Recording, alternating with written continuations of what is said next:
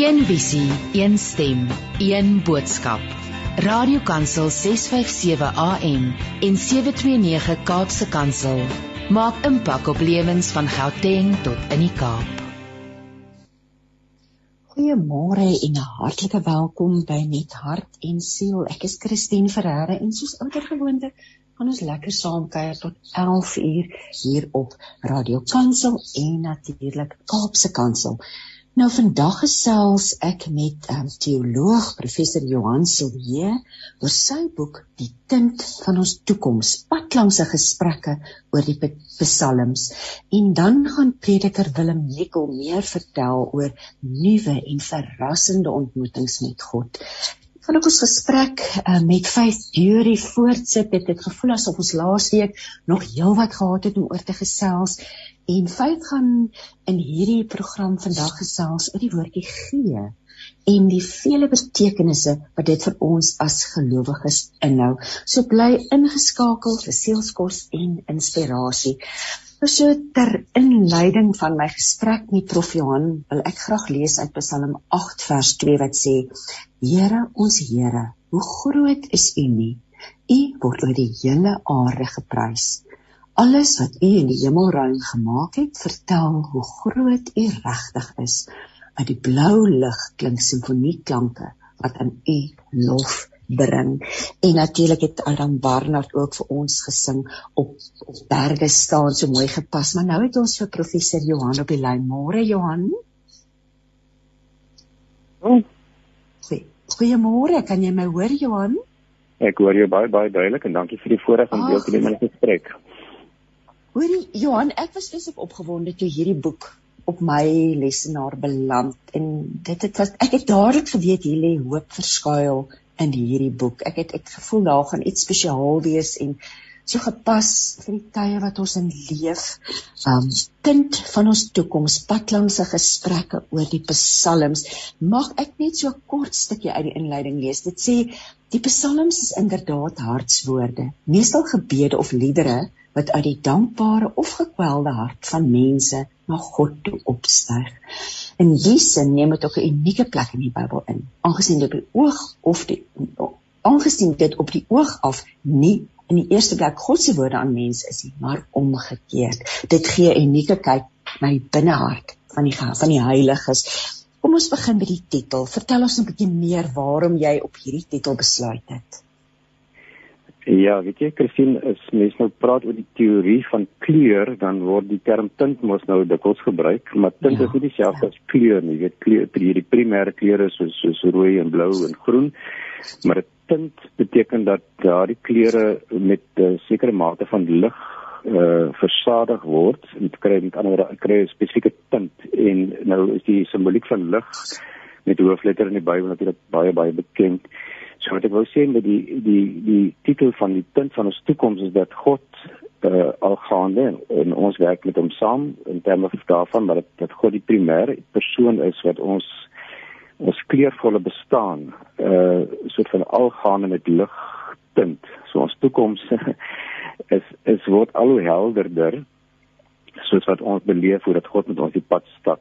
So dit is eintlik uit die wêreld van estetika omdat ek ook nou self in die estetika belangstel en baie belangstel in hoe kleur met mense werk en hoe dit jou gemoedstoestand selfs kan bepaal. Is die, is die term tint vir my baie belangrik want dit tint 'n sekere nuance, 'n sekere soort van 'n emosie of 'n bui kan jy amper sê.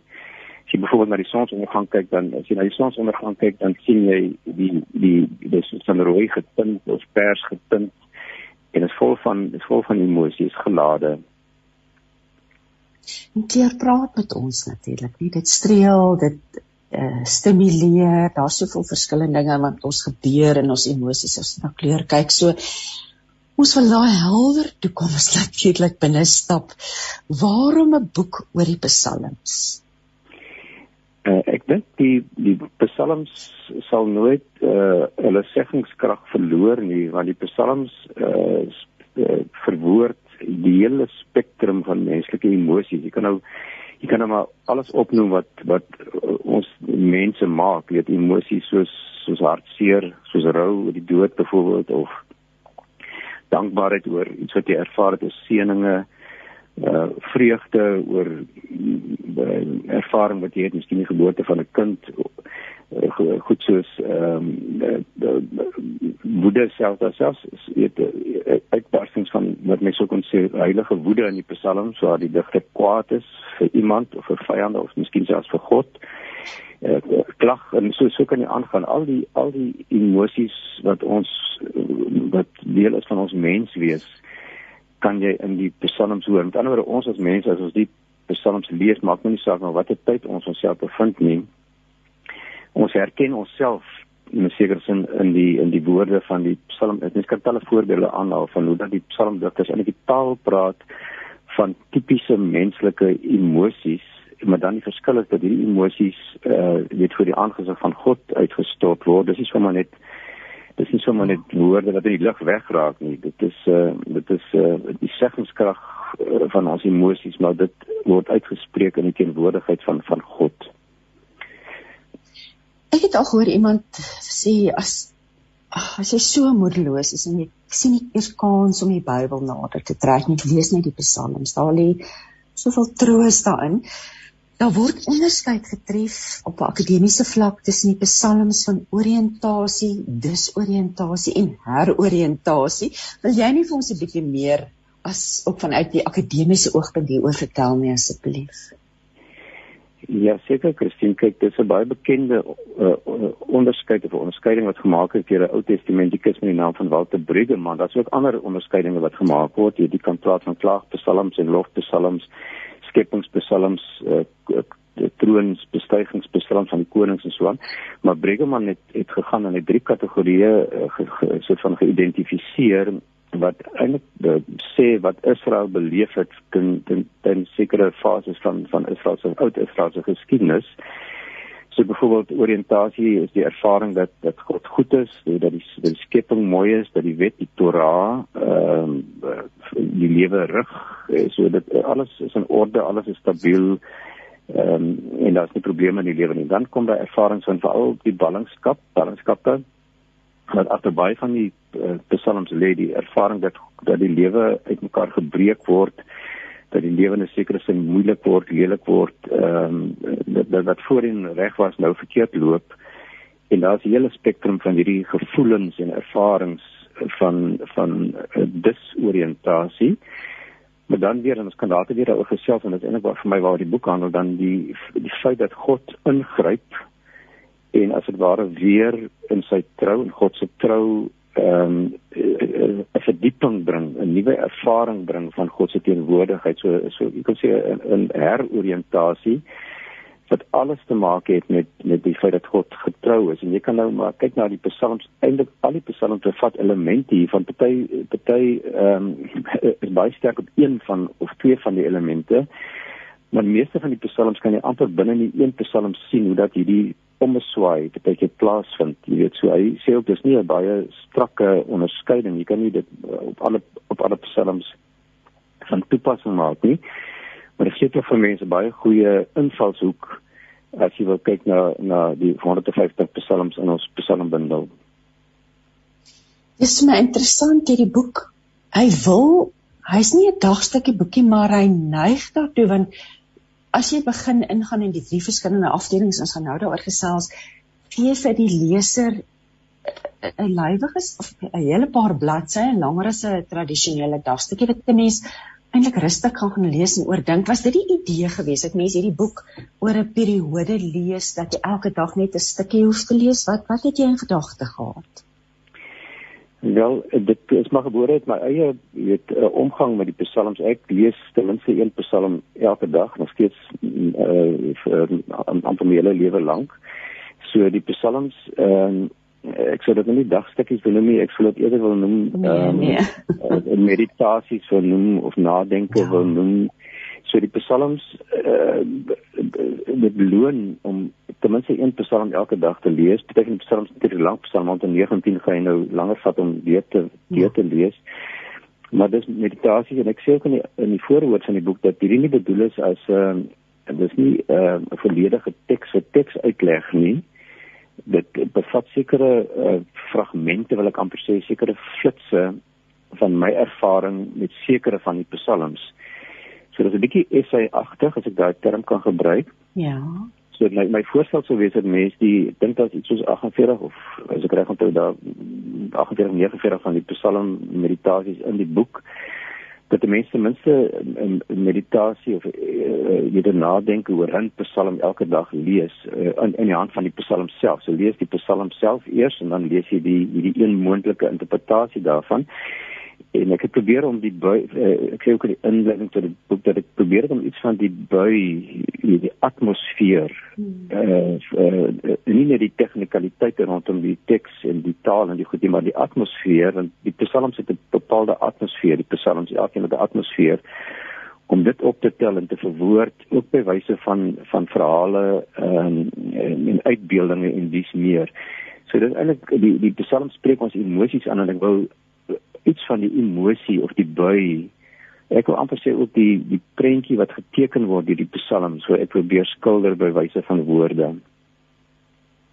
Ag, maar dit dit kry dit pragtig reg. Dit is regtig 'n vreugde om te lees. Kom ons praat oor die drie afdelings. Jy het die boek nou in drie afdelings verdeel, die Psalms gegroepeer. Die eerste is die verwonding, dan het ons die verwondering en dan het ons die verwagting. Waarom het jou hierdie drie afdelings besluit? Uh, ek het nou gelank daaroor nagedink oor oor die uh, die drie deling wat Briggeman nou oriëntasie dis oriëntasie heroriëntasie wat hy voorstel en dit volg basies dieselfde lyn van denke as hy behalwe dat ek die die die patroon bietjie omgedraai het. Ek wil begin omdat ons ook in 'n tyd lewe waarin dit voel asof baie dinge uitmekaar uitbreek, jy weet, jy kan nou klomp dinge opnoem soos soos uh, onsekerheid, politieke onsekerheid, die pandemie, COVID uh, en so aan, ekonomie wat maar op losse skroewe staan. Ek dink ek wil begin met die ervaring wat baie mense het van dat dat diep wonde in ons samelewing en in, in, in baie gesinne en baie mense se persoonlike lewens sigbaar geword het of uh, dat mense so van die ervaring het van verwonding en verwonding is maar dieselfde as die ervaring van disoriëntasie, dat die lewe nou uit sy voer losgeskit word en dat dinge verkeerd loop. So as jy nou kyk na ons huidige samelewing, uh daar's baie verwonde mense en partyke steek mense die verwonding weg en ons praat nie so maklik daaroor nie uh, maar ek dink die psalms help ons juis help ons juis daarmee uh uh onder andere dat ons die ons kry die ruimte en die vrymoedigheid om om om as dit ware te kla. en nou weet ek as ek dit sê kan dit misverstaan word want kla in die in die kla psalms is nie so simpel sommer te kla oor dit en dat en nog wat nie. Maar om te kla oor die verwonding van die samelewing, die verwonding van die wêreld, praat ook van die aarde, jy weet die ekologie, die feit dat ons die wêreld uh, dis ons wêreld te besoedel teen 'n ontsettende tempo. So die verwonding ook in die skepping en en dat ons in die psalms woorde vind taal vind wat ons help om daaroor te kla nou kla in die sin van in die lig van God se alternatief in die lig van ehm um, dat ons weet dit eintlik anders kan en moet wees. Dit behoort eintlik anders te lyk. En dat ons kla maar ons kla as 'n gebed. So dit is nie 'n klag wat sommer net die lig aangeslinger word dit is 'n klag wat 'n adres het naamlik God. En dat ons by God as dit ware pleit dat die wêreld tog anders sal lyk as wat dit lyk en dat dit anders sal lyk in die lig van die feit dat God dit anders wil maak en alreeds in Christus gemaak het. So ek dink verwonding was my baie belangrike um, element en ek het ook begin met as ek reg onthou Christine met Psalm 13. Ja. En ek begin met Psalm 13 en daar's vier keer waar die digter uitroep hoe lank nog Here Jy weet hoe lank nog, hoe lank nog, hoe lank nog en baie mense kan daarmee identifiseer. Here, hoe lank nog moet ons weet hierdie ervarings van verwonding en van gebrokenheid moet ons nog meemaak? Eh, die een van die een van die vier retoriese uitroepe is die die die die, die woorde wat sê Here, hoe lank nog moet ek my eie planne maak en my dae met bekommernis deurbring? Hoe soveel mense kan huidig daarmee identifiseer dat ek elke dag opstaan en my eie planne moet maak om dinge te werk of dit nou in terme van verhoudinge is met mense of in terme van finansiële krisisse of in terme van siekte of in terme van jy kan dit maar opnoem. Here, hoe lank moet ek nou nog my eie plannetjies beraam? Self probeer, jy weet, 'n oplossing vind. en en dit kommer as dit ware gekneelter word. Hoe lank nog hier? En, en ek dink baie baie mense sien kan daarmee identifiseer en die wonderlike van die psalms is nou jy's dit dat die Here God van hierdie psalms ruimte maak dat mense so met hom kan praat dat God as dit ware wil hê dat ons ons klag in ons hart en ons emosies maak nie saak wat dit is nie kan selfs woede ook wees uh, dat ons dit na hom toe bring uh want hy so sê Martin Luther het altyd ons ook vir Luther aan in die boek soos om Luther sê want hoe meer jy dit ware by God kla hoe meer wil God na jou luister nommer 1 en hoe meer wil God vir jou antwoorde stuur wat jou verras. O, oh, dis mooi. Hoe meer jy kla, hoe meer wil God na jou luister, hoe meer wil hy antwoorde stuur wat jou verras. So daar ja. lê 'n groot stuk troos. Al praat jy oor verwonding, lê daar al reeds 'n baie groot stuk troos in hierdie psalms wat jy behandel in die boek. Ja, die troos is in die is is in die grond die grondtoon. Ek het net oor die buie gepraat van die ja. psalms met ja, die troos ja. is die is die diepste emosie uh as ek nou die term weet emosie is nou nie soos van emosionalisme nie dit dit gaan oor diep diep emosie. Uh en troos is is grondliggend eh, daar daarvoor daarvan. Ek, ek dink byvoorbeeld dat mens getroos baie keer die psalms dink op so psalm 78 is die digter aan die klaar en vra Here hoekom slaap u? Dit lyk so of u aan die slaap geraak het. Jy weet as jy psalm 78 lees dat mense dat mense vir die Here sê Here word tog wakker jy weet maar dan weer in psalm 121 hoor jy sê hoor jy die belydenis die, die Here sluimer nie weet hy sluimer nie en hy slaap nie ehm um, So die troos is dat nog voordat ons ons klag voor God uitgestort het, nou praat ek oor Nuwe Testamenties, nee, Here Vader weet wat julle nodig het nog voordat julle dit van hom vra. Nog voordat ons dit voor God uitstort, weet God van ons klag.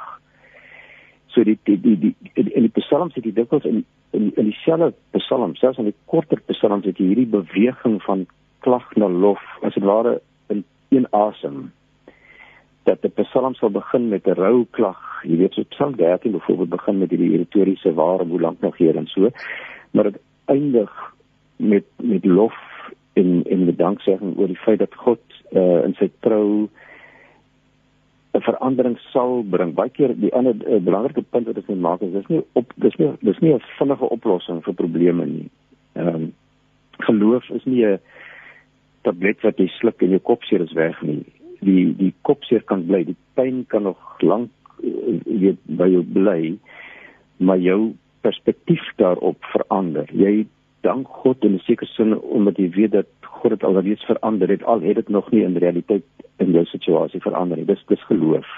So dis nie 'n oppervlakkige sentimentaliteit of emosionalisme soos net gesê het, dis 'n dieper liggende geloofsemosie wat vashou nie aan my omstandighede nie, wat vashou nie aan my eie inherente sogenaamde geloofskrag nie, maar wat vashou aan God. En die Psalms troos ons daarmee dat God die een is waaraan jy kan en mag vashou. Ja, ja, ja, ek, ek kyk nou hierso daar's Psalm 73 om na bo te kyk. Ehm um, ja.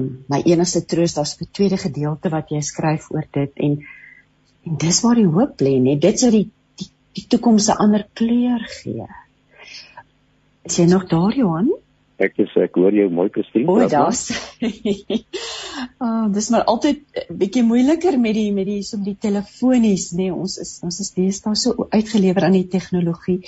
Kom ons praat so verwonding, jy dit sommer dadelik. So dit is my eintlik ongelooflik fantasties dat jy daar begin en en en want ek dink jy dit reg gesê het, mense sukkel op die oomblik. Um, ons beweeg amper in die psigologiese pandemie in. Om mense sukkel met depressie en en angs en dinge. So daar kan jy jou troos gaan soek en dan beweeg jy na verwondering. Kom ons gesels 'n bietjie oor daardie afdeling en van die temas en psalms wat jy hier bespreek.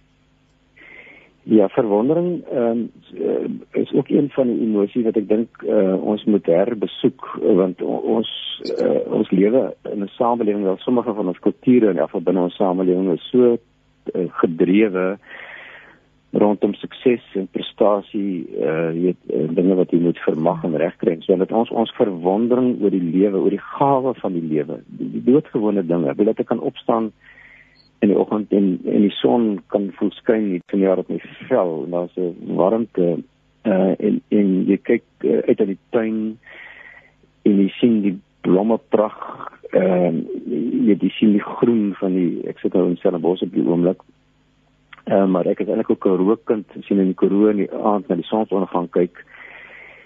Dit is die mooiste mooiste uh, uh kunswerk wat jy as ware kan kry enige plek en en om dan daar te staan en en dan Psalm 8 byvoorbeeld, Here as ek die die werk van die hande aan die werk van die vingers die maan en die sterre waaraan jy plek gegee het. Dat daar's so baie dinge wat ons omring ten spyte van ons letsels en ons verwonding. Hmm is daar soveel redes tot verwondering en baie keer ehm um, kyk ons dit gewoon net mis. Jy soort van 'n perspektiefwisseling ervaar perspektiefverruiming ervaar om om om verwondering te kan sien. As jy nou byvoorbeeld uh, uitstap in jou tuin en jy tik een blaartjie af van 'n boom of van 'n struik en jy kyk na daai blaar die die, die hoe dit aan mekaar gesit is hoe dit gevorm is die die are as dit ware waar aan die lewensvog in die blaar inkom en eh, as jy kyk na het nou in Karoo as hulle vernesie van die, die, die moeder duifie wat gesit het in die vir die kykens uitgebroei het. Hoe hoe weet dit vir haar geleer dat sy sit daar dag en nag op daai nes totdat die kykens uitkom sy voer hulle sy sorg vir hulle soos net 'n moeder vir kinders kan sorg. Wie dit vir haar geleer? Is dit nou net is dit nou net hmm is 'n ontwikkeling van die van die van van weet kosmiese uh, ontwikkeling van van dinge wat wat bestaan diereryk en die goed natuurlik dit ook.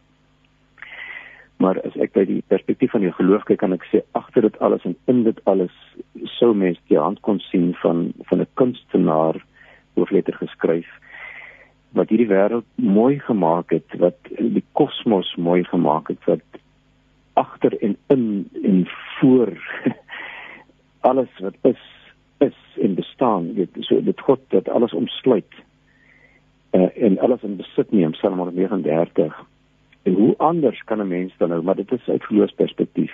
As om met verwondering dan te kyk en jy kan natuurlik ook op 'n ander manier kan kyk en loop gewoon net sê ag dis nou maar hoe dit is.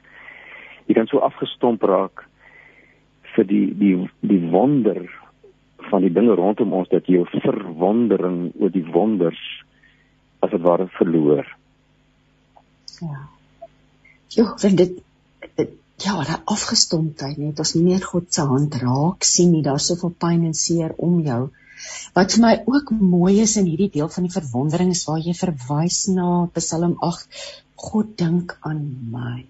Ja. Ja. Dit is iets waaroor 'n mens mos in verwondering staan nie waar nie dis reg wel een van die die die, die troos is dat kyk hierdie kosmos is ongelooflik groot. Die kosmos is is uh, onmeetlik as jy nou net 'n bietjie in die in die uh, sterrekunde belangstel en jy kry 'n idee van die, ligjare die afstande dit is ondenkbaar vir ons menslike brein in elk geval en dat die God wat mense nou uit geloofsperspektief gesien uh, wat agter dit en in dit en om dit alles is dat hierdie God ook van jou en my kennis dra, maar dit is nie net kennis dra soos data in 'n rekenaar nie.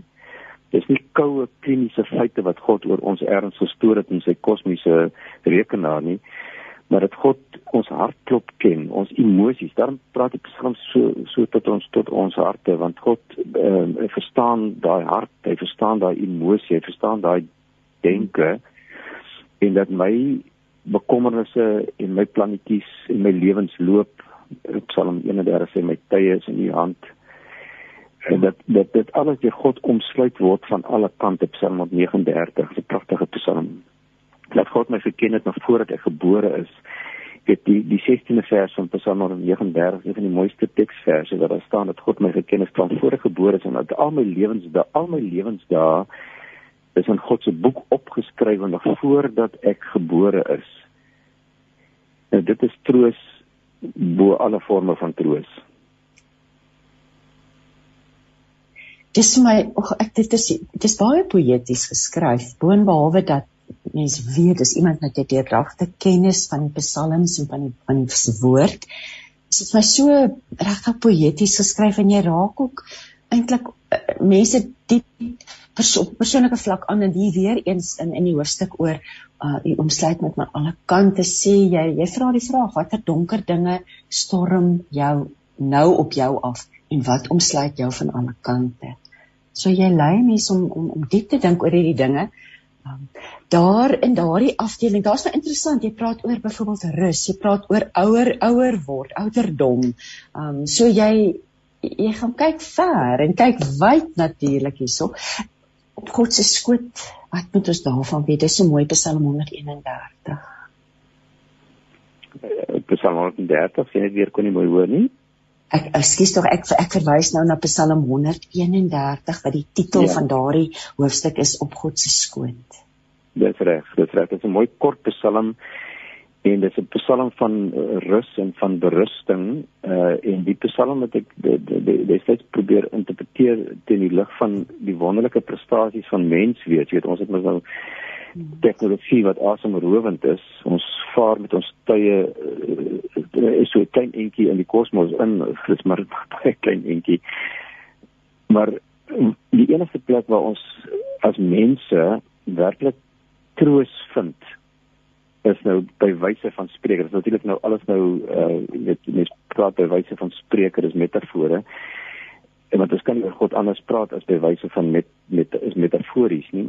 Is dat ons op God se skoot sit soos wat 'n kind op die skoot van 'n moeder sit hmm. of skoot van 'n pa sit. Ehm um, en en so so hoogmoed by alles wat ons as mense al bereik het waaroor ons trots kan wees met ons besef ons plek is eintlik op God se skoot En die oomblik as ons dink dat ons daar kan af kan afklim en vir God kan wegstoot, dan verloor ons ons ons plek in die kosmos. Dink aan Augustinus wat die beroemde uitspraak gemaak het dat die, die God ons geskep het vir vir hom, vir God en dat ons harte onrustig en ons bly totdat ons ons rus vind in God. So die die enigste plek waar mense tot rus kom, 'n uh, soort van tevredenheid ervaar, gesus word, vertroetel word, gekoester word is op God se skoot. Ehm um, nou daaroor kan mens baie praat en soms het jy die ervaring dat jy dat die, die uh, soos ek sê in die ervaring van verwonding dat vir jou voel asof die Here ver van jou weg staan, dat jy voel asof die Here jou vyand geword het, nê? Uh, dat jy voel asof die Here jou verlaat het. Uh, dan moet jy terugkeer na byvoorbeeld Psalm 131 wat sê al al ervaar ek al hierdie dinge is is my plek eintlik dat ek sit op God se skoot. Ek wil nou gaan na Psalm 139. Jy wy um drie hoofstukke aan daardie Psalm, maar ek was raak ek het dit my getref het jy geskryf het oor mense agter maskers. Um Natuurlik het dit nou op vandag in vandag se tyd soveel verskillende betekenisse, maar jy ja. vat die skrifgedeelte wat sê Here, U sien dwars deur my, U ken my. Praat 'n bietjie met ons daaroor, want daar lê tog 'n groot stuk troos. Ons ons is weggesteek agter ons maskers. Ons ken mekaar nie meer nie. Dis reg kyk en natuurlik die pandemie soos jy reg sê ek ek verwys dan nie spesifiek na die pandemie ja. nie want ons moet ons moet nou maskers dra so ek is nie ek is glad nie ja. teen die dra van maskers uh, as as as 'n mediese uh, wyse ja. uh, weet om ons te beskerm teen die pandemie inteendeel maar uh, behalwe dat daardie maskers is ons as mense baie baie geneig om onsself anders voor te hou as wat ons in werklikheid is. Kyk, ons het 'n eh, ek dink ek noem daar 'n paar van die sogenaamde maskers. Jy is 'n professionele persoon, hmm. dan tree op 'n sekere manier op in daai masker wat jy dra. Jy het baie keer 'n masker wat jy dra as jy met sekere mense omgaan, jy weet, sê maar jy's 'n dominee, dan jy doen die masker. Jy het ongelukkig gesit, is dit maar so of of 'n doktermasker of 'n onderwysersmasker en so aan en dit dit gebeur selfs met ons dat ons regtig eg uh, weet leef soos wat ons in werklikheid is. So ons is baie geneig om 'n masker te dra om 'n front voor te hou uh, om onsself ons werklike self weg te steek vir ander mense maar en dan ook natuurlik vir God. En dan kom daai Psalm en sê die Psalm sê Here, U sien dwars deur my U ken my. Of ek sit en of ek opstaan, U bepaal dit. Ek kom en gaan. Al my paai is aan U goed bekend. So gaan dit aan. Nog nou het my geskep nog voordat ek gebore het in die moederskoot het my al het, het my wonderlik al gevorm. So hoe hoe kan 'n mens nou vir God 'n masker probeer opsit? Uh, as as God in elke elke sel en elke senuwee en elke stringetjie DNS in jou liggaam aan mekaar gesit het, wat kan jy in elk geval vir God wegsteek? En as mens nou dit ontdek het, as jy vir God niks kan wegsteek, hoekom sal jy nou vir ander mense wil goed wegsteek? Jy weet, hoekom sal jy nou probeer om maskers te dra wat die ware self en dit dit is ons baie keer nie maklik om ons maskers af te haal nie want ons het mos nog goed deur die graag van die ander mense moet weet of sien nie maar daardie psalm onder andere haal die maskers af en dit is ongelooflik bevrydend. Ek hoef nie meer te wees wat ek nie is nie. Ek kan maar wees wat wie en wat ek is en vir God is dit reg so. Want God ken my in elk geval. Hy het my in elk geval kunstig aan mekaar gewewe van die moederskoot soos die psalm sê. So dit is bevrydend en troostryk dat ek nou maar slaap daai masker, al moet ek nou my my COVID-19 pandemie masker dra. kan ek net die ander maskers die ander maskers kan ek maar afhaal. Uh want dit dit dit dit dit imponeer glad nie die Here nie. Johan, kom ons beweeg aan na die laaste afdeling en dit is verwagting. Ons loof leef as gelowiges natuurlik met 'n ewige verwagting. Wat leer hierdie groep psalms ons oor die toekoms? dit hang baie saam met die titel van die boek nou die tint van ons toekoms dat ehm um, die, die die die die simboliek van die lig soos ek vroeër gesê het is baie sterk in die in die Bybel die dag het gebreek weet God se koninkryk het aangebreek en ons as nuwe testamentiese gelowiges verstaan dit nog beter selfs as die psalmdigters want ons lewe na Christus en in die tydvak van die van van die uitstorting van die gees uh, so die lig skyn op hierdie aarde.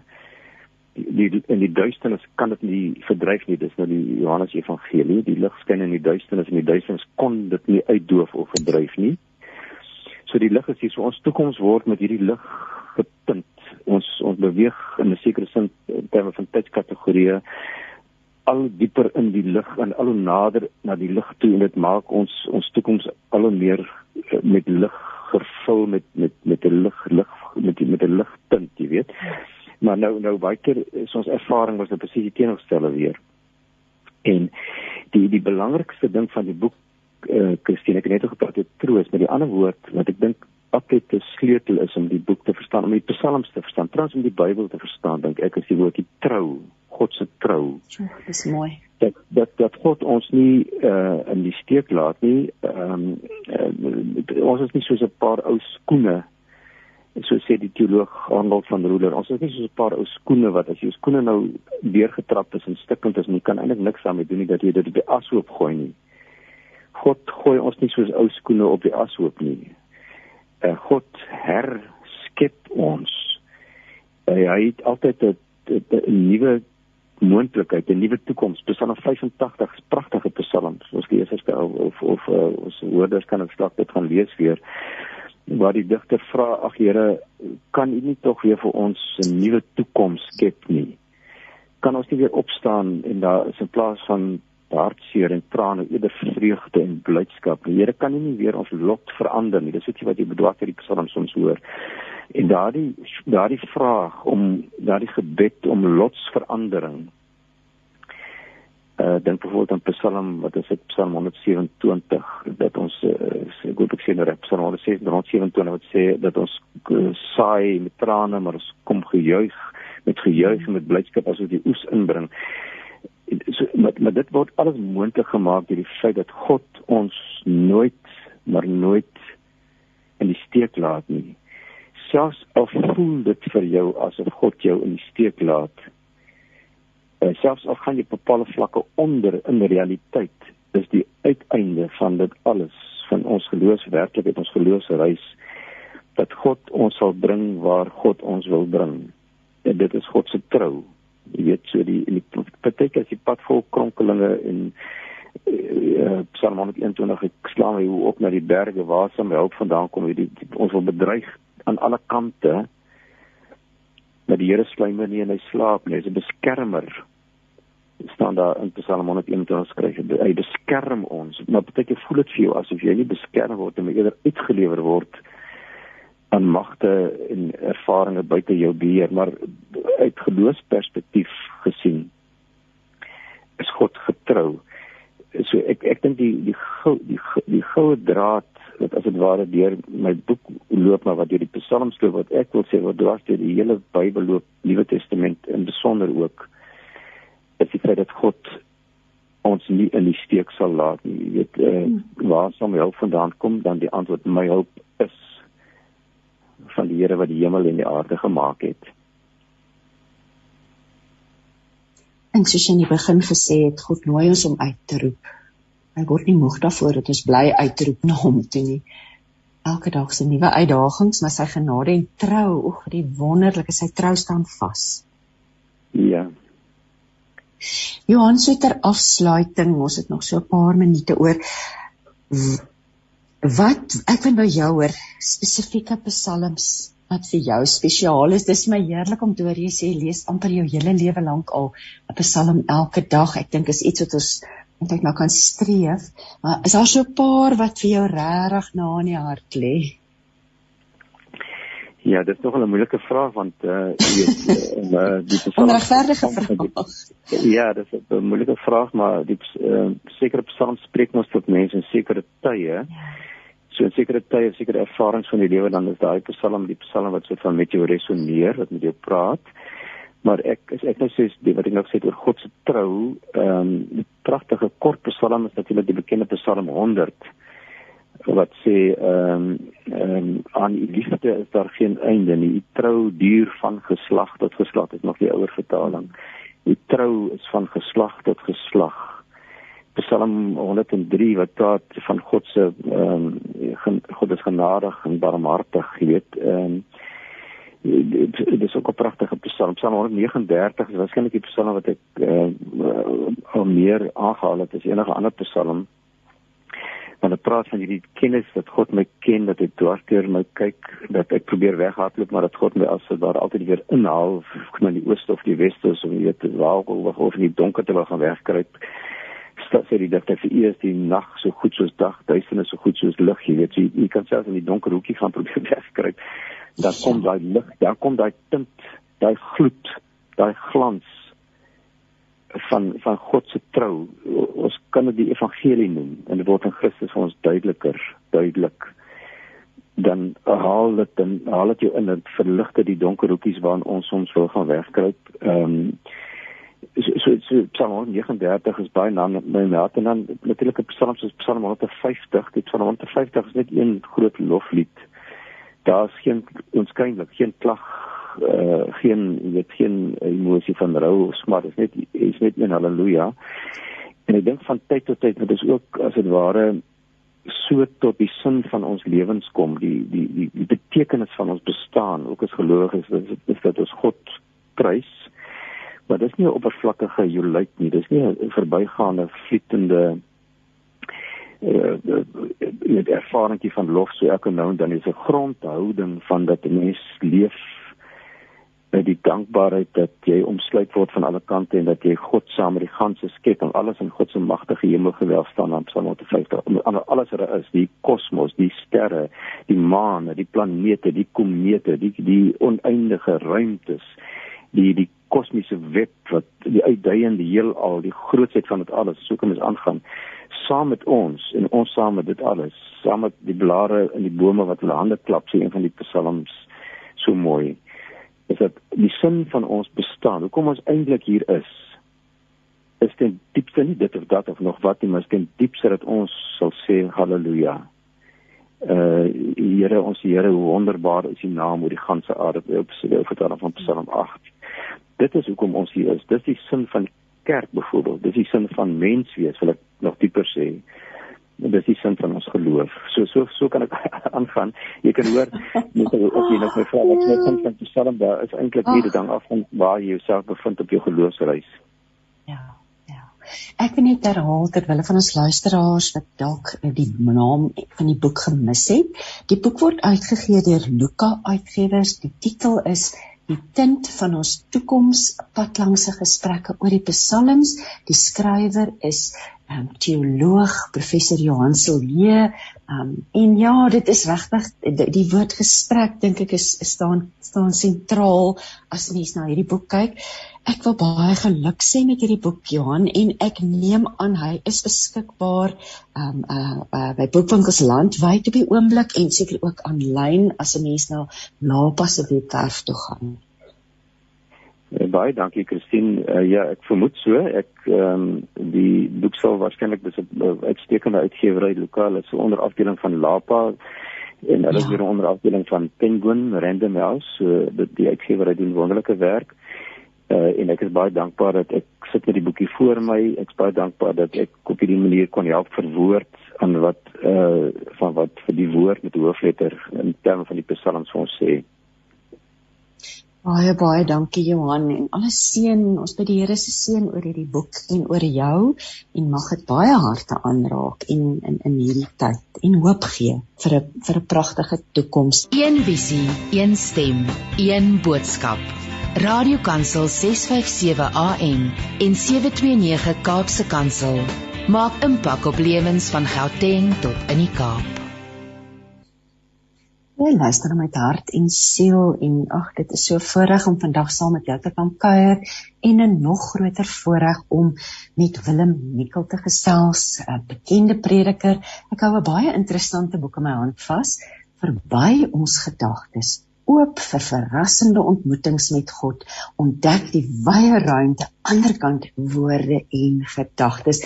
Dis geskryf deur Willem Nikkel. Môre Willem. Goeiemôre, Christine.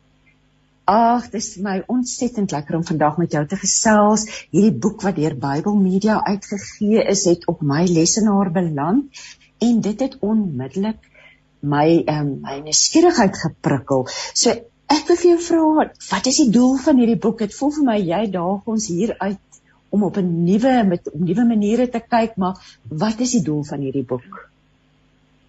Uh, Christine, as 'n mens nou mooi luister na mense se ervarings met God, dan kom jy agter dat mense loop met verskillende prentjies, voorstellings, idees van God diep in hulle agterkoppe rond. Jy's van kleins af as jy beïnvloed om God op 'n sekere manier te sien. En jy jy hoor die mooi dinge en die regte dinge in die kerk, maar daardie sienings hier diep in jou agterkop gaan nie sommer verdwyn nie. En hulle kan uiteindelik uh, jou lewe taamlik bepaal. Hulle kan jou in 'n goeie rigting in bou en voed of hulle kan jou in 'n slegte rigting. Met ander woorde, hulle kan jou meer mens maak of hulle kan jou minder mens maak. En die doel van die boek is om bietjie te kyk na die verskillende voorstellings van God in ons agterkoppe uh nie almal nie maar vir my gevoel die belangrikstes wat onder ons mense uh in rond in omgang is. Um en om die leser te help om te sien wat van sy prentjies van God uh vir hom nie goed is nie en en wat wel en met goed bedoel ek dan eintlik meer soos Jesus of minder soos Jesus. Dis wat sleg. Jy word uitgenooi om 'n bietjie ondersoek in te stel want ek dink sou ek reg is om te sê ons is nie altyd bewus van hoe ons prentjies van God nie. Nee, hulle hulle kruip weg diep onder want ons het nou al die regte dinge in die kategese gehoor en so aan, jy weet. So jy val nie eintlik maklik vir uh, ander mense of selfs vir jouself erken wat daar diep in jou sit dat God byvoorbeeld eintlik so streng oë is van 'n skoolhoof wat jou dophou, krities dophou. As dit daar is, as jy miskien nie eens goed bewus daarvan nie, maar dit beïnvloed jou lewe. Kom ons praat 'n bietjie want jy verwys nou na gesonde en ongesonde prentjies van God. Die een hoofstuk is dat ons God sien as hierdie Kersvader figuur wat jy weet ehm um, ek, ek ek weet nie of ons al te vroeg is om daaroor te gesels nie maar miskien kan ons net bietjie praat oor wat die ongesonde prentjies van God is en dan kan ons inbeweeg na die stil word en die meditasie en ons uitkom by hierdie die regte prentjies, maar die ongesonde prentjies wat ons dalk 'n bietjie kniehalter. Ja, nee, kyk ons ons vat God soos klei in die hand en ons maak hom soos dit ons pas, né? Nee. Uh so ja. ons ons weet uh, dat ons eintlik God moet leer ken deur Jesus en wie Jesus hy's die gekruisigde. Uh maar ons ons gaan ons maak God heeltemal iets anders. Ons maak hom 'n Kersvader, 'n liewe Jesus, een wat net die mooi dinge gee wat altyd net goed is en wat die lewe dit gaan sy taak is in om die lewe vir jou lekker te maak, jy weet. Uh terwyl daarteenoor moet 'n mens eintlik sê dis daar maar so ver van die waarheid soos kan kom. Hmm. Want hoekom dit beteken om Jesus te volg dan om die kruis op te neem. Dit beteken tog 'n bereidheid om te dien en selfs te lei waar nodig ter wille van jou diens vir die goeie vir mense. Uh so uh, 'n mens kan eintlik sê so as Lewis, I don't think that God particularly wants his people to be happy He wants them to be holy.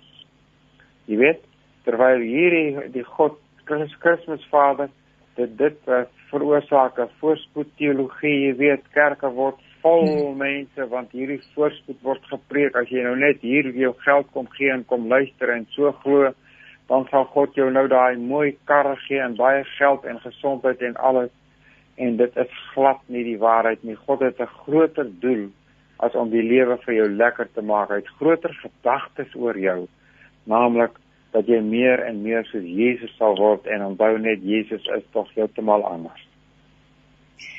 Willem, ons ken jou as uh, iemand wat 'n groot weet nie sê voorstander is dit nou nie die regte woord nie, maar stil word en meditasie is vir jou kosbaar en jy bied retreats aan, jy lei mense na die plek toe waar ons dieper verhouding met God kan bou. Kom ons begin daar. Kom ons gaan terugsoen toe want dis tog waar 'n mens moet begin as jy God wil leer ken. Wil jy nie dalk net vir ons so 'n paar riglyne gee nie asseblief oor hoe benader mens stil word en meditasie? Ja, nee, ek vra baie graag oor hierdie dinge natuurlik. Dit is wat ek doen. ja. uh die ou tradisie in die kerk is dat uh 'n volledige kuier met God vier elemente uh, kan bevat. Uh, die eerste een is lees. Hulle noem dit eintlik goddelike lees in die sin van jy jy lees die Bybel of 'n geestelike boek, maar veral die Bybel met die gedagte dit is nou nie net woorde wat ek in inligting wat ek hier kry nie. Dit is God wat besig is om deur hierdie woorde met my te werk. So lees is nommer 1. Nommer 2 is mediteer jy gee kans om dat iets van dit wat jy gelees het wat jou nou tref dat dit insink in jou hart en ek kan nou nog iets meer daaroor sê maar ek wil net eers die vier noem. So die tweede ene is laat insink wat jy gelees het, mediteer. Die derde een is praat met God, dit ken ons baie goed. Dit is die primêre vorm van gebed dat 'n mens vir die Here jou versoeke voorlê ook die versoek dat sy wil moet geskied en so aan dink maar aan die onsse Vader wat uit ses versoeke bestaan. Dis die derde een en dan is die vierde element van 'n volledige kuier met God om te rus by God. En dit word tradisioneel kontemplatiewe gebed genoem. Uh die vorm wat ek graag bepleit is uh, centering prayer, ons noem dit in Afrikaans gebed van die hart. Dit is net in stilte ingaan en besef God is groter as al ons gedagtes. Dis alles wat ek met hom kan praat of oor hom kan lees. Ek ek hy is hy is so groot geheimenis dat hy om om omring my en hy deurdring my en ek kan net stil raak in die wye ruimtes anderkant woorde en gedagtes. Dis die vier elemente van 'n volledige kuier. Mens kan natuurlik nou taamlik oor uh, veral skrifmeditasie, daardie tweede element 'n uh, uh, bietjie verder gesels as jy wil Christine, moet ek moet ek ja. so wenk op twee gee oor hoe mens dit nou kan doen. Um, ja, asseblief. Dit is nie altyd ewe maklik nie, nê? ja, maar mens mens moet dit vir jouself maklik maak. Dit is amper reël nommer 1 as dit 'n gestoei is met jou aandag, is dit nie goed nie. Want die aandag werk so hoe meer jy moet omstoei, hoe meer um, hoe moeiliker raak die dinge. Ehm um, So wat jy wil hê is is iets wat maklik werk en en hier gee ek nou een ou manier. En dit is kies vir jou uit die gedeelte wat jy gelees het een woord of 'n kort frase of 'n enkele gedagte wat nou die duidelikste met jou praat. En besluit dat jy 'n paar minute daarby gaan stil staan. Ehm uh, dit werk dan so dat jou gedagtes gaan die hele tyd weg na ander goed, maar dit dit is natuurlik. Moenie daarteen veg nie. Net so lank jy hulle telkens sagkens kan terugbring na die woord waarna jy nou luister. Jy verstaan die woord in sy verband, maar die woord praat nou eintlik met jou. Jy weet, sê nou maar ons het geneem ek is die Here jou God wat jou Egipte uit die plek van slawerny bevry het. En met jou praat net daardie woordjie. Jy sien God as dit ware voor jou staan as jy daardie ek hoor. En nou staan jy 'n paar minute daarby stil. Hoe ervaar ek dit? As God vir my voor my sou staan en vir my sou sê ek is die Here, jou God daardie ek hier voor my. Wat doen dit aan my? Jy weet, uh, ek wil nie nou aangaan nie want dit dit word nou dit word te veel vir woorde, né? Dit word groter as woorde. Ja. Maar jy verwyl dit tyd daarby en dit pla jou nie. Jy dink nou, "O, wanneer gaan ek weer koffie drink?" Jy bring net jou aandag weer terug en luister weer na die ek. En dan dink jy, "O, aarde ek moet hierdie stukkie werk klaar kry vir môre." en dan bring jy weer jou aandag terug en luister weer na die ek en elke keer met die terugkom kom jy 'n bietjie van 'n ander kant af en hoor jy moontlik iets nuuts jy weet. So dis die wonder van skrifmeditasie dat die ding praat persoonlik met jou soos jou omstandighede is. Dit word as as dit die dag nou uh mooi werk dan word dit beter as as wat enige preek kan wees. Want dit is jy persoonlik in jou omstandighede wat aangespreek voel deur die ding. Uh, en daarom bepleit ek dit graag en lei ek ook graag 'n groep daarvan elke week hierso en uh, lei ek graag 'n tweet daaroor wat daar begin. Van daar af natuurlik as jy eers hierdie manier van doen onder die knie het, ehm um, sodat jy nie dit vir jouself moeilik maak nie want dit is nie moeilik om die aandag net terug te bring en die woord net weer in jou kop te hoor nie. As jy dit eens reg gekry het, dan van daar af is die pad na kontemplatiewe gebed, hierdie rus by God, die stil gebed, die gebed van die hart, uh, is is 'n maklike pad want die manier van doen daar is basies dieselfde. Willem in hierdie boek help jy ons want jy jy begin om die leser te lei om dieper in sy binnewêreld in te gaan en soos jy tereg genoem het ah vir ander dinge dit is dit dit, dit word intiem ehm um, jy's naby aan God dis jy en God. Maar dan praat jy ook van die nadele van kopgodsdienst. So is die, kom ons praat 'n bietjie daaroor want ons moet eintlik al dit wat ons koppe is bietjie agterlaat dis wat jy vir ons sê gaan verby ons gedagtes. Maar wat is die nadeel daarvan? Is as jou godsdienst net hier in jou kop bly die hele tyd dit word net bly net boeke kennis Ja, nee, ons ons het 'n probleem ons protestante, eh, ek ingesluit. Ons is gekondisioneer om taamlik rasioneel te wees as ons na ons godsdienst toe kom. Jy weet, ons is mense die diens is eintlik maar 'n preekdiens. Dit dit ja. was 'n goeie diens as die dominee goed gepreek het en sy preek was woorde wat dinge verduidelik het. Dit is baie in die kop in uh en ons hou stilte tyd dan ons ons dan sit 'n besige stilte tyd jy weet ons lees baie ons best, ons noem dit Bybelstudie lê kyk bietjie daai woord nê wat so studie ja. so ernstig.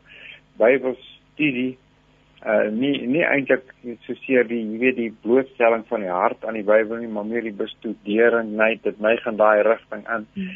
Uh en en en dan het ons 'n uh, lang gebedslyste soos 'n besige stilte tyd alles dinge wat in die kop gebeur.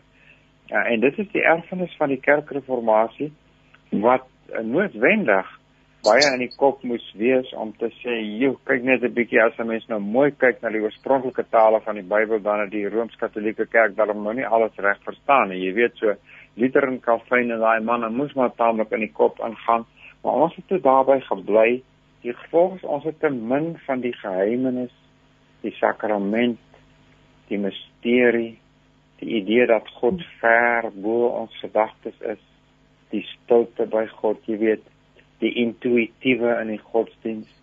Kyk hierdie wat ek nou nou met julle gedoen het om te sê ek is die Here jou God. Daardie ek as ek vir jou vra aanhou vra wat doen dit aan jou dat God voor jou staan en ek sê dan gaan ek mos nou verby gewone rasionele gedagtes ons kom op die terrein van die intuïsie nê jy voel dit aan ja. op jou eie manier ons het ons het te min daarvan die katolieke het meer met hulle heilige soort van manier van viering van die nagmaal so gereeld en so aan jy weet. So ek het nogal 'n bietjie begrip vir mense wat 'n bietjie meer van die sakramentele en daai dinge in die kerk wil inbring. Ten minste moet ons as ons byvoorbeeld nagmaal vier, ehm um, dit so probeer maak dat dat ons dit as 'n heilige gebeurtenis beskou en nie net sommer hier gou-gou herinnering aan Jesus se dood nie. Hmm. Want dit is in werklikheid meer. Jy weet as jy nou Calvin byvoorbeeld mooi lees, dan is die nagmaal as jy dit met geloof gebruik nie 'n herinnering aan Christus of 'n teken dat hy homself vir jou gee nie. Dit is hy wat homself aan jou gee. Dit gebeur daarso wanneer jy die brood en die wyn ontvang. Dit kan 'n mens nie verstaan nie. Dit is bo jou rede. Maar dit is dit is in hierdie rigting wat ek dink ons ons wil beweeg. Ek hoop ek het jou vraag genoeg geantwoord, Christine. Ja, nee, oek Willem dit wat is so interessant want eintlik daar lê so 'n wêreld vir ons en wag. Dat ons net God kan ontdek en op nuwe maniere aan hom kan dink. Ek ons het nou nou verwys na na die ongesonde prentjie van God en ek wil nou teruggaan 'n stapie terug en en daar's 'n hele hoofstuk wat gewy word wat jy sê het ons 'n God van streng geregtigheid. Jy verwys aan een kant van die een wat met geregtigheid heers en dan die een met die sagte hart. Praat 'n bietjie met ons daaroor. Ja, nee, ons het 'n probleem. Uh want ons het nou die ou Anglikaanse aartsbiskop Anselmus taamlik gevolg. En die fout wat hy gemaak het is om een van die omtrent 8 metafore wat daar in die Bybel is vir Jesus se dood en die betekenis van sy dood om een te neem en en en dit nou rasioneel uit te verduidelik wat 'n mens nie behoort te doen nie want daar is in die Bybel hierdie agt verskillende maniere van praat oor die rede waarom Jesus moes sterwe om ons te wys dat ons het hier te doen met iets wat te groot is vir rasionele uitredenasie. Dis net metafore, simbole wat gegee word, jy weet. So wat Anselmus gedoen het, En hy het so gedink aan een van daardie landheere van destyds met 'n klomp onderdane wat nou op die plaas uh, mag op boer ook en so maar hulle is onder die landheer. As een van hulle nou die landheer sleg gesê het, dan moet die landheer iets doen want as hy nie iets daai ou nie 'n uh, vorm van straf kry of benadeling nie dan gaan dit nou hierdie ding uh, nou versprei. En die mense gaan hom nie ja. genoeg respekteer nie en hy sal nie meer hulle baas kan wees nie jy weet. So hy moet nou sy eer beskerm. Daar het Anselmus uh, aangedink uh, en hy het gesê die versoening werk nou so dat uh, ons het gesondig. Dit het God se eer aangepas uh, en nou moet God eintlik ons straf maar gelukkig hier kom toe ene aan dit is Jesus en hy dra toe die straf vir ons. Uh die katekismes en die, die gereformeerde belydenisskrifte het dieselfde model gevolg. gevolg. Hulle het net die uh, idee van eer met geregtigheid gevang. Hulle het gesê ons sonde tas God se geregtigheid aan en daarom moet daar op die sonde straf wees of dan met 'n betaling wees of wat ook al. En gelukkig hm. het Jesus nou ingekom. Nou wat gebeur in die agterkop van 'n kind nou byvoorbeeld waar ons almal gevorm word as kinders, né? Dan kry jy mos die idee wie die liewe ene, dis liewe Jesus. Uh maar die Vader, is hy ook die liewe Vader? Nee, nie heeltemal nie, want hy hy moet hy kan nie sommer net vergewe nie. Hy moet straf. Jy weet, ons moet vryelik vergewe Maar jammer, die Vader is te streng, dat te geregtig, dat te regverdig daarvoor. Hy hy moet straf. Ehm um, so Jesus is die ene wat nou inkom om ons te red. Uh, as as jy hierdie beeld so uitredeneer, dan sit jy uiteindelik met 'n Vader wat jou met streng oë dophou. En dit is so verkeerd. Want as jy nou die ander klompie uh, beelde en metafore in die Bybel gaan vat oor die versoening, dan sien jy dat al die ander maak die Vader eintlik die inisiator. Hy is die een wat die prys betaal wat wat wil, wat so vol liefde is dat hy wil ons sy vriende maak. Jy weet, met ander woorde Johannes 3 vers 16 is die hooflyn in die Bybel, want so lief het God die wêreld gehad dat hy sy seun gestuur het sodat ons die lewe kan hê. Ehm um, dit is die dis nie die Vader wat moet omgepraat word om die skuld vry te stel of die straf te los of wat ook al nie. Dit is die Vader wat begin om die wat wat bereid is om die hoogste prys te betaal, né, sy enigste seun om ons sy vriende te maak. Uh die van die ander metafore is almal so, jy weet dit dit is die Vader wat ons as ons gevange geneem is deur 'n vyand vrykoop sodat ons syne kan wees. En dit is die die die die die Vader wat die uh, as dan nou vyandskap was tussen mense, hy is die een wat die vyandskap oorwin deur 'n versoening, 'n nuwe vriendskap te skep. Oral sal jy dit kry. Dit sê jy in die boek nou, miskien maar mooi kan kyk die agt uh metafore en wat die betekenis daarvan is dat ons dit hier te doen met 'n gebeurtenis so groot, jy moet pas op om hom te probeer uitredeneer met jou klein verstand want dan kom jy op op verkeerde dinge uit. So die dis is die tipie van die ysberg wat ons nou oor gesels. Ehm um, jy beweeg aan in die boek en dan sê jy om God in alle dinge te sien. Kom ons gesels hieroor.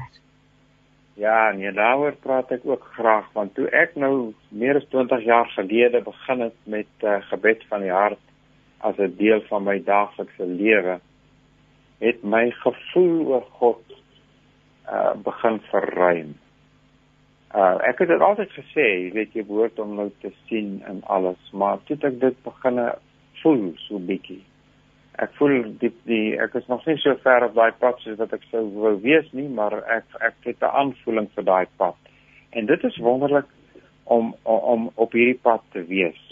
Die Jesuïte sê Dit is die einddoel van die geestelike lewe om te leer om God in alles te sien. En dis 'n wonderlike ding. Want dan wat byvoorbeeld die gelykenis van die skape en die bokke, Matteus 25, as iemand wat my nou nodig het, na my kyk, dan sien ek in daardie oë nie net hierdie mens nie. Ek sien eintlik Jesus se oë, nie waar nie, want Matteus 25 ja. sê En sover jy dit vir hierdie honger ou gedoen het, het jy dit eintlik vir my gedoen. Ehm um, uh, as ek na 'n uh, mooi boom kyk, of 'n lelike boom, maak nie saak nie. Oral is die hele natuur is eintlik mooi as jy net reg kyk. As ek na as ek na 'n boom kyk en ek sien die groei hierdie tyd van die jaar. Ek kyk nou hier deur my venster na eene.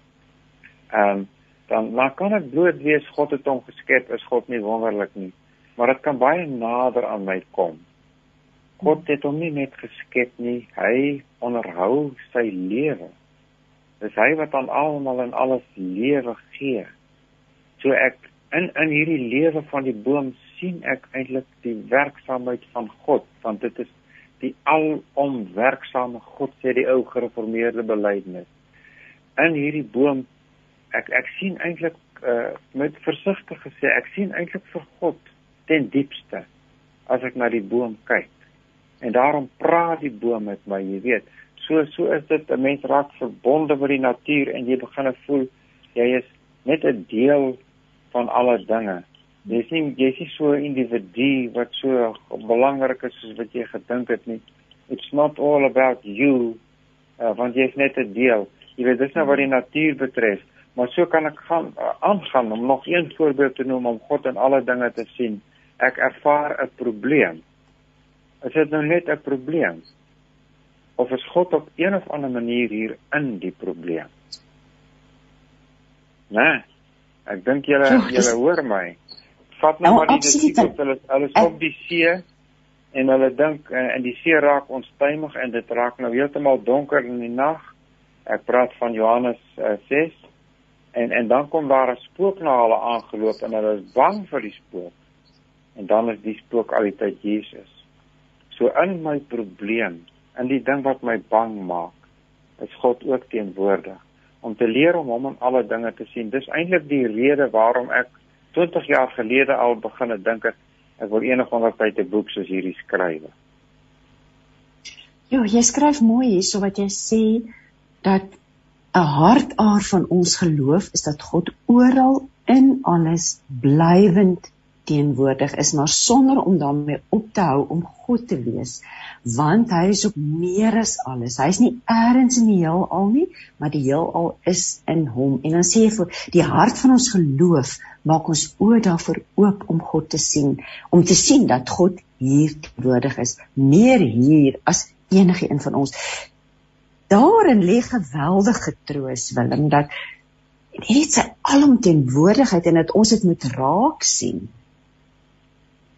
Ja, ja, dit is 'n dit is 'n baie groot ding wat 'n mens in deel van jou geestelike lewe eintlik, né, om om om om dit al meer jouself oop te stel vir die ervaring. Um as jy iets in jou mond het wat lekker smaak, dan is dit nie maar net iets wat lekker smaak nie. Dit is 'n gawe en dit is iets van die teenwoordigheid van die Here wat jou lewe onderhou hier sou jy weet. En so kan 'n mens aangaan om God in alle dinge te sien. Maar dan soos jy nou daar gelees het aan die begin ehm um, moet 'n mens net oppas vir die neiging wat uh, voorkom en dan God te sien as eene wat eintlik oplos in alle dinge en dan die verhouding met God te verloor dan is hy ja. net in alle dinge en hy is nie meer 'n ander teenoor my met wie ek kan praat vir wie ek kan lief hê wat ek kan ervaar dat hy my liefhet met wie ek 'n verhouding kan hê nie dan verloor ek eintlik 'n hart af van die hele Bybelse godsdienst. Ehm um, dit, dit moet ons nie doen nie. Ons moet bereid wees om te sien God is groter as dit. Hy's hy's albei. Hy is uh, in alle dinge en hy's te gelykertyd ook ander teenoor my wat met wie ek 'n liefdesverhouding kan hê. Ek weet nou vir jou vra wat dit is 'n ander manier. Nou jy jy daag ons uit. Jy sê ontdek nou hierdie hierdie nuwe die wye ruimte ander kan die woorde en die gedagtes. Hierdie ander manier van kyk en as jy God kan dit kan raak regkry om God in alle dinge te sien om om hierdie genoegsame stilte tyd te hou. Hoe verander dit mense uitkyk op die lewe as jy dit kan regkry? Ja, hoe verander dit mense uitkyk op die lewe? jy weet, ek dink jy begin al meer besef uh, die Here uh, is besig om jou te omvorm om meer en meer soos Jesus te wees. Maar uh jy kom die meeste daarvan nie agter nie. Jy moet dit ook nie probeer agterkom nie. Jy weet want sodra jy nou agterkom dat met jou 'n bietjie vorder en daar's nog 'n bietjie minder selfgerigtheid en so aan dan as jy nou weer trots daarop en dit is nou weer selfgerig op 'n nuwe manier, né? Ja. So die hele idee van ja. die die ou is so hy's so nederig en hy so trots daarop dat hy so nederig is. Jy weet, dit is dan nog ja. so ek ek dink 'n groot ding wat gebeur is as as ons nou besef God is verby ons gedagtes is dat ons ons lewe net um, in die geloof en uh hoe hoe God besig is om ons te omvorm los ons vir hom. En as ons hier en daar hoor dat God ons goed gebruik het om iemand anders van waarde te wees of so dan is ons eintlik verbaas daaroor. En ons hoor dit maar ons vergeet dit weer. Want jy wil nie jy wil nie trots raak op wat jy is nie. Hmm. oor oor een ou monnik wat so verskriklik nederig was het hulle gesê he is nothing and he doesn't know it jy weet dis die ding jy moet nie weet wat met jou gebeur nie ja. Ja, ek dink dit is dit is die een ding as 'n mens op op hierdie pad is dat jy oopmaak vir die groot misterie wat in jou aan die werk is. Ehm um, ek ek dink hierdie hierdie pad lei ook daartoe dat 'n mens meer prakties op die lewe gerig raak. Want as God nou so groot is, dan kan jy mos nou regtig glo die boodskap van Jesus. Naamlik, liewe mense, God het klaar besluit dat hy julle almal as vriende aanneem. En julle kan dit net glo. Jy weet so, ons moet ophou om 'n probleem van God te maak. Ehm um, hy het klaar daai probleem weggeruim. Jy kan dit net glo dat hy jou vriend is. Uh dat hy jou jou jou sy vriend gemaak het en en en daarom kan jou lewe gerig wees op die praktyk. Jy wil graag doen wat hy verkies dat jy sou doen. Wat volgens die goue reël is. Doen aan ander soos jy wil hê hulle moet aan jou doen. Wat werklik goed en menslik is. Jy wil dit gedoen kry. Maar om dit effektief gedoen te kry volhoubaar dat dit goeie resultate het op die langtermyn is nie maklik nie. So 'n mens raak al meer wat die lewe betref gerig op die praktyk van aksie om die goeie te doen. Jy weet so in baie sin gaan die kontemplatiewe meditatiewe leefstyl saam met praktiese aksie. Willem jy jy verwys ook na blywende blydskap. Wat moet ons hier oor weet? Ja, sjoe, ek dink ons moet dink aan vlakke Christine. 'n Mens voel nie altyd bly nie. Ek bedoel dit dit ja. is tog nou so dat uh, voorspoed jou bly maak, né? As jy kan nou lekker ry en uh, daar's lekker kos, daar's lekker vriende, uh, jy voel gesond en so aan dan dit, dit maak 'n mens bly en dit is goed ook so. Lees maar Prediker, lees maar die hele Bybel. Uh, die Here gee ons die dinge om ons bly te maak. Maar die Here gee nie altyd daai dinge nie. Die lewe het baie swaar kry in hom laat ons dit nou maar vir mekaar erken. Die helfte van die lewe is nie so lekker nie. Dit is net so. Ehm um, as jou blydskap dan weg of weet jy 'n uh, dieper vlak van blydskap wat daarmee te doen het dat jy weet God is jou vriend. Hy's by jou ook in die moeilikhede van hierdie lewe. Uh kan jy kontak maak met daardie blydskap? Dit is 'n ander blydskap as jou blydskap. In Johannes 15 sê Jesus, uh, ek gee my blydskap vir julle sodat julle blydskap volkome kan wees. Hy bedoel nie ons sal altyd lekker voel nie. Hy bedoel sy blydskap. Dit is die e-, eenheid tussen hom en die Vader.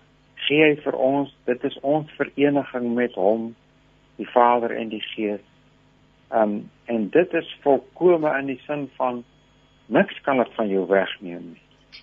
Al gaan dit hoe sleg. Daai blydskap is daar trouens. Jy kan nou dink aan uh, Moeder Teresa van Calcutta. You won't know that Jesus is all you need before Jesus is all you have. Jy weet as dit as dit nou werklik sleg gaan dan behoort daai blydskap eintlik vir 'n mens nog uh, duideliker te wees. Jy moet dit duideliker aan te voel. Maar my vraag nou vir jou luisteraars is maar dood eenvoudig. Kan jy kontak maak met die blydskap onder in jou hart wat nie afhanklik is van enige sigbare dinge nie? Hm. Sjoe Willem, ek daar's nog baie te gesels, maar ek wil net aan ons luisteraars noem dat um, aan die einde van die boek is daar ook 'n bylaag waar Willem um, die leser deur sy stap vir stap deur um, lei na 'n volledige stilte tyd. Hoe mense hierdie wat ons aan die begin van gepraat het, hoe om dit prakties toe te pas. So dit is die een komponent wat die boek uh, lekker prakties ook maak en dan natuurlik Willem dit gaan ook gepaard met 'n addisionele Bybelstudie gids waar dit dan vir uh, 'n uh, gespreksgids vir groepe is. Ehm um, was dit vir jou belangrik om hierdie praktiese elemente by te bring? Ja, nee, hy, hy moet uiteindelik moet hy daarom grondvat en dinge wat 'n mens van jou kant af kan doen ja. in die, in die sin van ek bedoel dit is dan nie asof jy dit alleen doen nie dit is eintlik God wat dit deur jou doen hè maar uh, God wil wil praktyk hê. Uh Daarom praat hy oor hoe ons kan bid en al sulke dinge. So uh, dit is vir my belangrik dat 'n mens uh, die die goed uiteindelik uitvoerbaar maak en daardie Bybelstudie gids wat probeer nou hierdie hele veld dek op 'n manier wat pas by 'n Bybelstudie groep uh sodat mense lekker daaroor kan gesels. Maar die boek self ook aan die einde van elke afdeling en dinge wat jy self oor kan nadink en en dinge wat jy eers eers sê wat jy moet vashou. Dit is so 'n klein opsommingkie van die deel wat net gelees is. En daarna 'n bietjie dinge wat jy kan oordink en dan ook nog iets wat jy kan ervaar self. Want ek voel dit moet grondvat. Dit kan nie net 'n lesery met die kop wees nie dit dit ja. moet 'n 'n deurwerk van 'n boek wees sodat jy as jy aan die ander kant uitkom dat jy anders is as wat jy was toe jy begin het.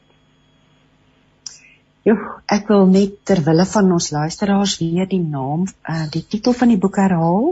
Dit is verby ons gedagtes, oop vir verrassende ontmoetings met God en nog 'n subtitel ontdek die wye ruimte anderkant woorde en gedagtes.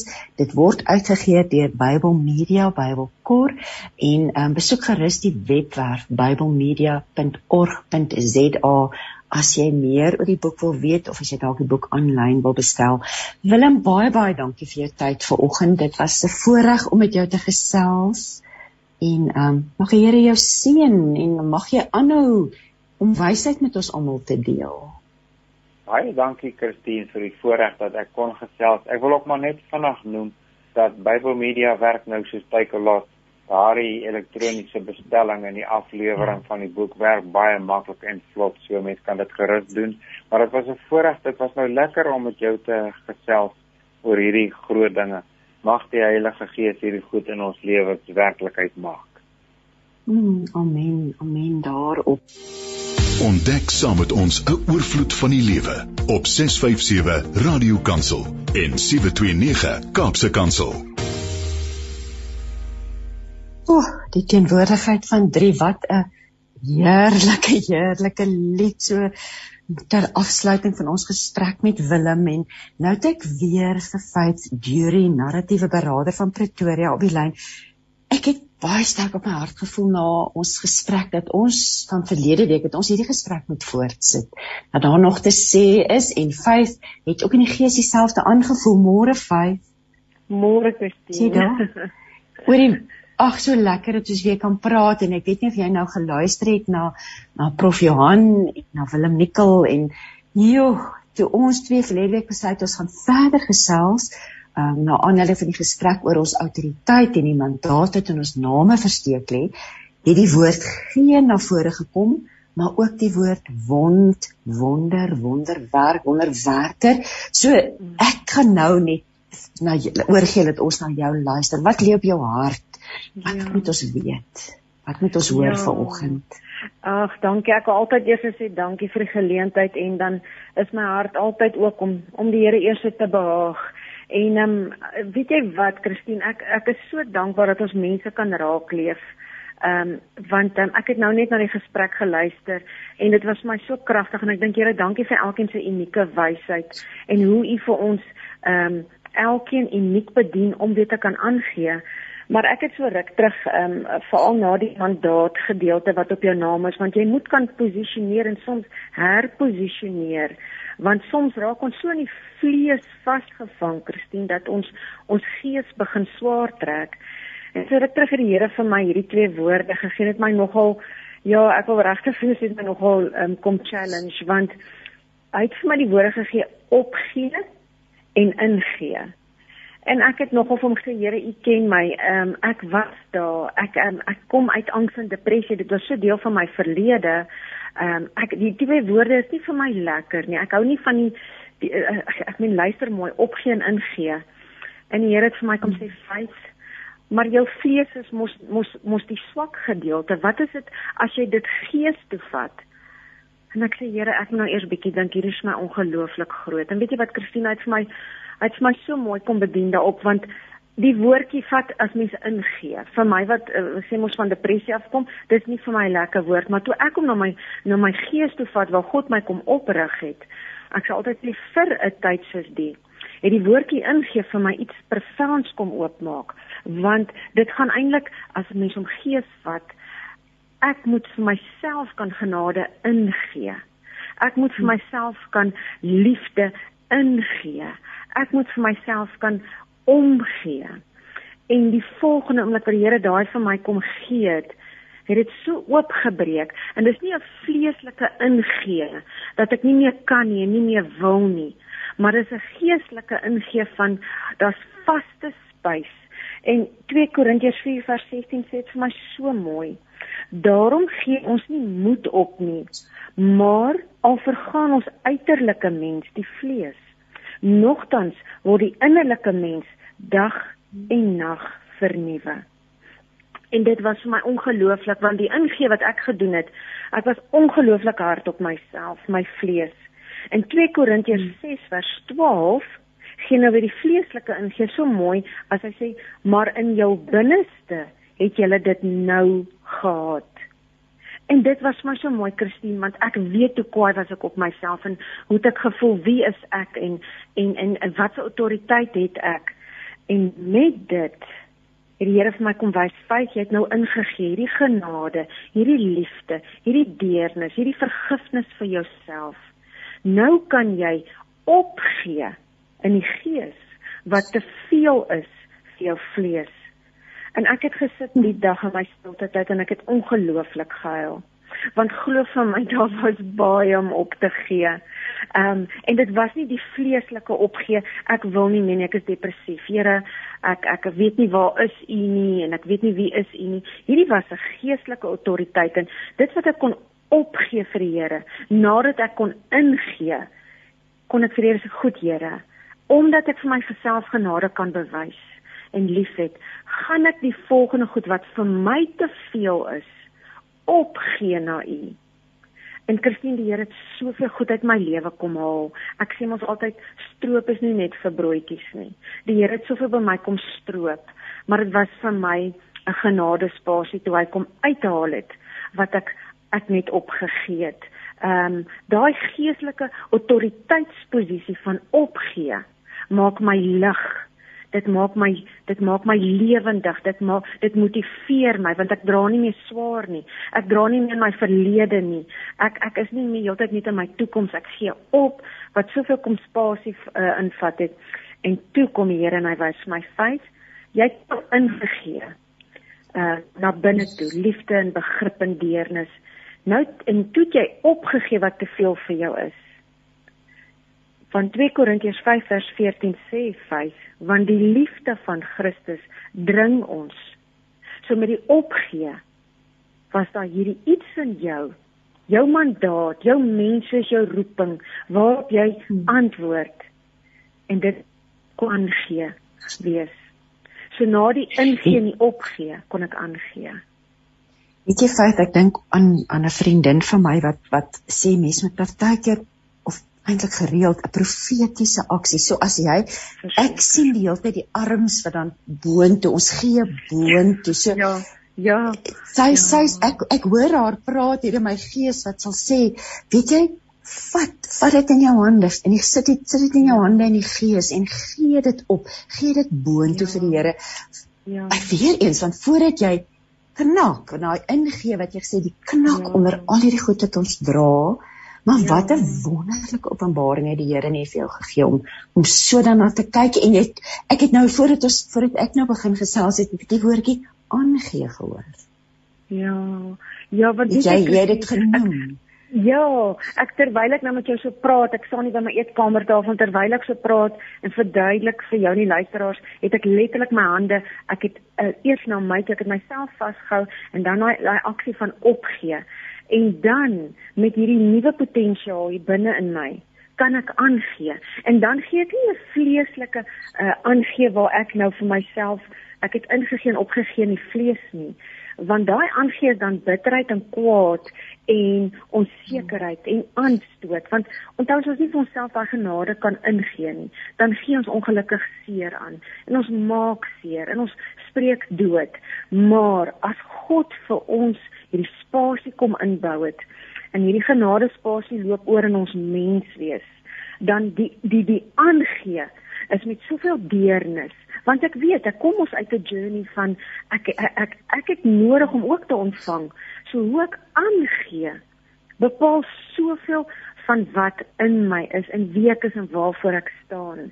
Um, en die aangee is amper met 'n aspristheid. Ek gee liefde aan nie omdat daai persoon dit verdien nie, maar omdat ek dit het om aan te gee, want dit is my posisie in die Here. Ek kan genade aangee. Ek kan vergifnis aangee. Nie omdat daai persoon dit verdien nie, maar omdat ek oorvloed daarvan het en ook omdat ek weet hoe dit voel om nie oorvloed daarvan te hê nie. So die aangee, dink ek, is praktiese Christendom.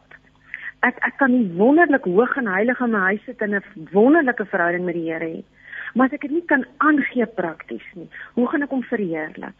Hoe gaan ek vir mense hoe gaan ek mense kan raak leef om van hulle te sê julle dis moeilik, maar die die die die die grootheid van God wat in ons is moet aangegee word. En dan gee ons dit nie met 'n knippie sout aan nie. Ons gee dit met sout en lig aan want daar's meer en dat ons sê die Engels maar altyd the best is yet to come. Want die vleeslike ingee en opgee en aangee, dink ek Christine bring ons amper by daai uit seeing is believing. Maar die vlees, die geestelike aangee en ingee en opgee is vir my die woordjies believing is seen. So ek sien nog nie dalk hier buite my iemand wat ehm um, genade volgens my verdien nie, maar ek glo dat ek glo dat by God enigiets moontlik is en ek wil hierdie man hier langs die pad. Ek wil vir hom iets aangee. Ek wil my vriendin wat my dalk seer gemaak het, ek wil vir haar iets prakties aangee. Nie wat ek so voel nie, omdat ek gedring is om dit te doen. Want ek weet hoe voel dit om nie ek wil sê daai genade spasie vir myself aan te gee. So 'n geestelike aangee is amper soos twee visse en vyf broodjies en dis net die begin. Hmm. Ja, inspireer. Ja, inspireer. Dit pas my so mooi aan by wat Willem gesê het om om God op nuwe en verrassende maniere te ontdek, raak te sien en so wat jy nou hierdie goed raak sien wat jy sê dan gee ons dit aan dan deel ons dit ja. met ander mense het seer oh, ons hoor so van van mense wat regtig seer het en pyn en swaar dra um, jy ja. sê self jy kom uit 'n pad van depressie die woord wond Ehm um, ja. ek vroeër vandag in ons gesprek met Johan jy het hy baie ook oor verwondering en wonder, die wonder van God, die daardie hele konsep van wond by wonder, ja. maar jy gaan haal hom by wond al klaar. Wat ja. kan jy vir ons daaroor vertel? Ja, ek kry skoon hoendervel daaroor. Ehm um, die die die die, die vyf vleesmens wat daar was, het ehm um, baie wonde opgedoen omdat sy nie vir haarself hierdie genade spasie ingeneem het wat die Here vir haar gegee het, dan sal ek altyd sê ons almal kom van 'n posisie af van van seer en en teleurstellings en dalk haat en kwaad maar vir my in my lewe het die Here my seerste seer gebruik daai wond wat ek so probeer wegsteek het laat mense nie my kwesbaarheid moet sien nie maar daai einste wond het die Here kom gebruik en hy het my so laat wonder. Hy het my ongelooflik en hoor asseblief die woorde. Ek wat 'n narratiewe beraders baie ingestel op woorde. So die wond van my lewe het my so laat wonder oor hierdie wonderwerk, hierdie wonderwerker ehm um, waarvan mense praat. En as gevolg van 'n wond kon ek by wonder uitkom en hom en gaan opsoek en wonder waar sy grootheid en ek wonder waar is hy en en wonder hoe werk hy en ek het gewonder hoe gaan hy my wond aanwend. En toe het 'n wonderwerk plaasgevind. Daai einste wond wat ek so probeer wegsteek het ehm um, vir mense. Daai einste wond het my by die wonderwerker uitgebring, Christine. En as ek die vier woordjies net so onder mekaar kan sit of of langs mekaar hoor bietjie hoe kragtig is dit. Wond wonder wonderwerk wonderwerker. En daar was vir my my wond was nie net vir my vuil of of gaga of skaam of of seer nie. Dit was tog hierdie dit was 'n kwesbare plek maar daar was daar was krag in hierdie merk in my lewe, hierdie depressiepad wat ek gestap het wat ek so tog wou hê niemand moes weet van nie. Ek wou so graag hê mense moes dink ek is okay, en ek is oulik en ek het alles in beheer, maar ek het nie gehad nie. En vandag daai daai wonderwerker daai God wat daai praktiese kom aangee om hierdie wond te kon hanteer en nie net toe te plak en te vryf en smeer nie maar om dit te kon genees dit moes in die lig kom dan moes sout in my wonde inkom deur ander wonderlike kinders van die Here wat my kom laat wonder het oor Here maar as hulle dit kan doen hoekom kan ek nie Here as sy dit kon oorwin hoekom kan ek nie en toe begin die Here met daai vyf maar jy moet ingee na jou toe. Jy moet my vertrou in jou binneste donkerste wond. En daai daai vier woorde, Kersien het die Here vir my 'n hele dag mee besig gehou. Dit was vir my ongelooflik. Iemand wat wat luister na ons en, en wat net sê ek is op daai donker plek. Ja. Vyf, wat wil jy vir hulle sê vandag? Dankie Christine want ek um, ek ek ek, ek sê mos um vir iemand om donker te ken en daarvan te praat beteken dit hulle het al in lig beweeg want hoe gaan jy weet hoe donker as jy nog nie lig geken het nie en en en dan dink ek altyd Here u laat doen u woord sê op berge en dale en vanoggend lees ek weer 'n stuk 'n stad wat op 'n 'n berg gebou is kan nie sy lig um, wegsteek nie. Maar God sê daar's 'n daalseisoen ook. Daai stuk in die Bybel sê daar's 'n tyd vir alles. Ek het nodig gehad om in 'n daal te gaan sit en my wond te beleef. Ek het nodig gehad om daai kwesbaarheid te beleef en mense hier om ons. Ek werk met baie mense wat regtig moeg is vir die lewe. En ek is altyd daar eerste. Here, hoe maak ons hierdie prakties? want ons kan nie vir iemand wat sê ek wil regtig nie meer lewe. Um, alles is te donker en te veel. Ons kan nie van mense sê nee, kom ons moet asseblief nou dankbaar wees. Kom ons fokus. God is groot en heilig. In daai donker plekkie moet ons daai prakties kan aanwend. In my my hart is altyd daar. Ek gaan by jou sit in jou donkerte. En ek gaan nie namens jou kan lig aansteek en namens jou kan lig kies en namens jou kan vrede kies en en gefokusheid kies nie. Maar ek kan jou hart uitluister. En ek sê al dit wat ek gesê het, as ek verstaan hoekom jy in 'n donker plek is, kan daar begin iemand langs jou inkom om prakties te begin help. En soms is prakties help dat jy namens daai persoon vir hom bid, Christine soms is prakties help dat jy daai persoon se hart eers uithoor hoekom hy kwaad is en en hoekom hy die woorde gebruik wat hy gebruik voor jy moet sê kom nou ons moet asseblief dankbaar wees. Ons kan nie dit doen nie. Daar is 'n tyd vir alles. Daar is ek sê daar's 'n tyd om weg te loop en daar is 'n tyd om terug te kom. Daar's 'n tyd om in donkerte te sit en daar's 'n tyd om in lig op te staan. Want my donkerste tye het iets in my kom oprig, Christine. Nie in die wêreld om my, niks in my, ag niks buite my het verander nie, niks nie. Niks, die wêreld is nog soos wat hy was met my depressie van jare terug. Die skuif moes in my plaasvind.